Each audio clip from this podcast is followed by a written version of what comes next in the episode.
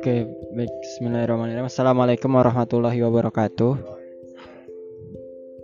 Alhamdulillah, alhamdulillahilladzi arsala rasulahu bil huda wa dinil haq liyudhhira 'ala dini kulli kafa billahi syahida. Asyhadu an la ilaha illallah wahdahu la syarika lahu wa abduhu wa rasuluhu la nabiyya ba'dah. Baik, eh, teman-teman sekalian, pada kesempatan ini hmm, apa ya?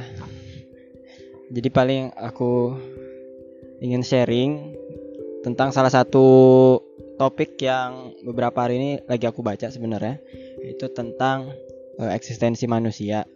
Nah jadi uh, berkaitan dengan itu, kalau misalnya kita lihat uh, sejarah ya baik itu para ahli-ahli filsafat yang klasik maupun yang sekarang, jadi se seenggaknya ada tiga pertanyaan pokok yang selalu ditanyakan berhubungan dengan eksistensi manusia. Yang pertama itu manusia ini berasal dari mana? Yang kedua, manusia ini ada di dunia ini tujuannya untuk apa? Terus yang ketiga, setelah manusia mati, manusia itu mau ke mana? Jadi ini tiga pertanyaan yang yang sering menjadi uh, pergulatan pemikiran dari beberapa ahli-ahli filsafat, mulai dari filsafat klasik, filsafat kuno sampai dengan ahli-ahli filsafat modern sekarang. Nah, lalu tiga pertanyaan pokok tadi intinya adalah sebenarnya tentang menanyakan tentang eksistensi manusia sebenarnya. Sebenarnya manusia ini ketika ada di dunia dan lahir, manusia ini membawa value nggak sih? Kalau misalnya membawa value, value itu datangnya dari mana? Atau sebenarnya manusia ini sebenarnya lahir ada di dunia ini sebenarnya nggak membawa value apa-apa. Nah berkaitan dengan ini uh, yang aku dapatkan sebenarnya ada beberapa poros ya. Sebenarnya banyak pendapat-pendapat tapi kalau misalnya mau dibagi menjadi beberapa kutub, jadi ada beberapa kutub para ahli yang berpandangan dengan tentang hal ini.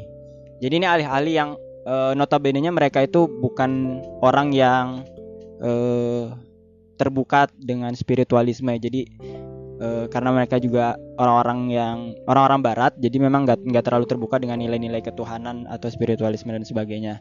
Nah yang pertama ini adalah orang-orang yang cenderung positif dan orang-orang yang golongan kedua adalah orang-orang yang cenderung pesimis. Nah, orang-orang yang cenderung positif, positif salah satu contohnya adalah eh, J.J. Rosso namanya, salah satu ahli filsafat di abad pertengahan juga. Jadi beliau mempunyai pendapat bahwa manusia ini lahir uh, sifat dasarnya itu baik.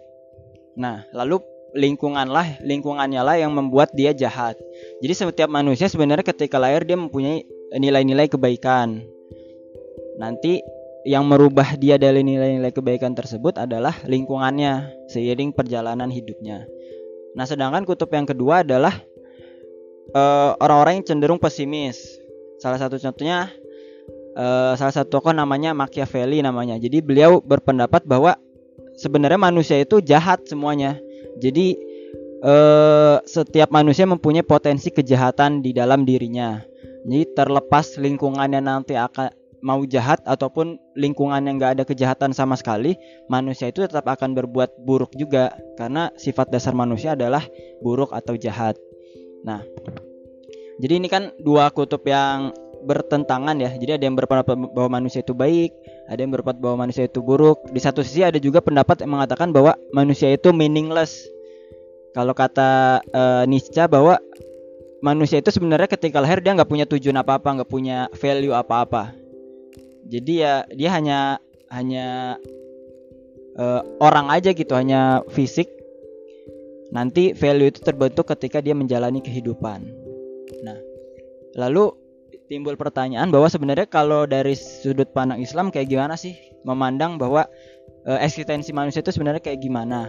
Nah uh, Profesor Kiai Haji Yun Yunahar Ilyas yang pernah menulis juga bukunya itu tentang tipologi manusia menurut Islam. Dan itu cukup insightful juga beliau menjawab tentang nilai-nilai eksistensi manusia ini. Jadi menurut beliau manusia itu pada dasarnya kalau menurut kalau dari sudut pandang Islam lahir secara suci. Jadi setiap manusia ketika lahir baik itu yang lahir dari orang tua Islam maupun orang tua yang bukan Islam itu lahir dalam keadaan suci beliau memakai frasa tabula rasa.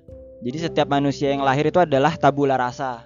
Jadi tabula rasa itu ungkapan Latin yang mana artinya adalah suatu kondisi di mana itu nggak ada warnanya sama sekali kosong. Jadi warna itu akan terbentuk ketika uh, seiring berjalannya waktu. Nah, jadi uh, Profesor Yunahar Ilyas itu memakai frasa tabula rasa tersebut. Nah, jadi kalau misalnya sampai di situ kan mungkin kita akan berpandangan bahwa oh berarti yang lebih condong ke Islam pendapat Rosso dong yang berpendapat bahwa manusia itu si asalnya baik dan yang yang yang membentuk keburukannya adalah lingkungannya. Nah, tapi ada lanjutannya lagi.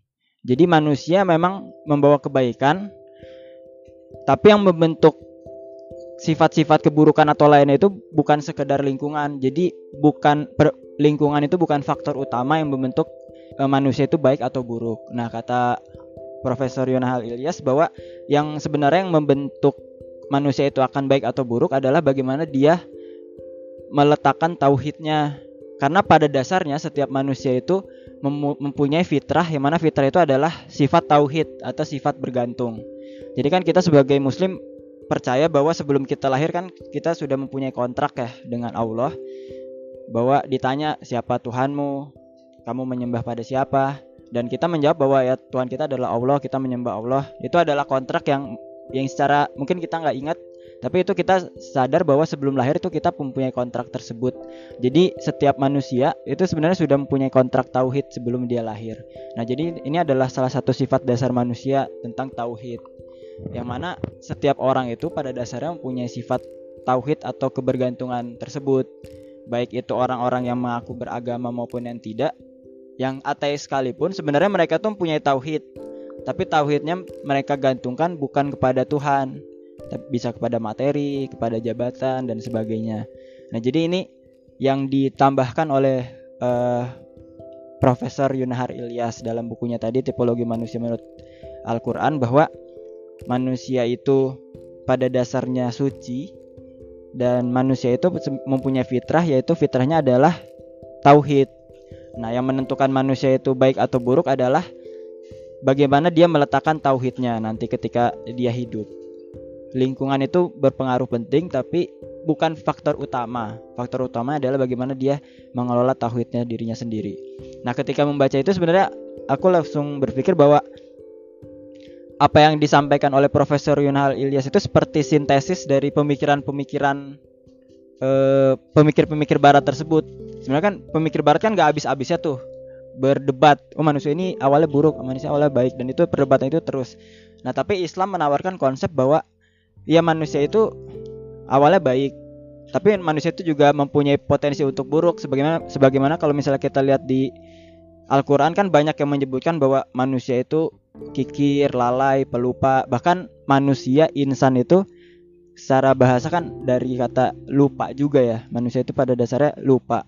Nah, jadi nilai-nilai Islam ini seperti mensintesiskan setiap pemikiran-pemikiran tersebut bahwa uh, ya kayak gimana ya? Emas aja sih dengan konsep yang ditawarkan Islam.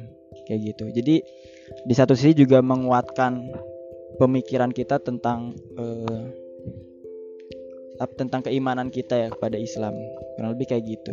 Dan juga uh, mungkin ini yang yang kita miliki sebagai seorang muslim dan tidak dimiliki oleh orang-orang lain yang tidak percaya pada hal-hal yang berbau spiritual seperti itu. Paling gitu yang bisa sampaikan. Semoga ada hal bermanfaat yang bisa diambil. Terima kasih. Assalamualaikum warahmatullahi wabarakatuh.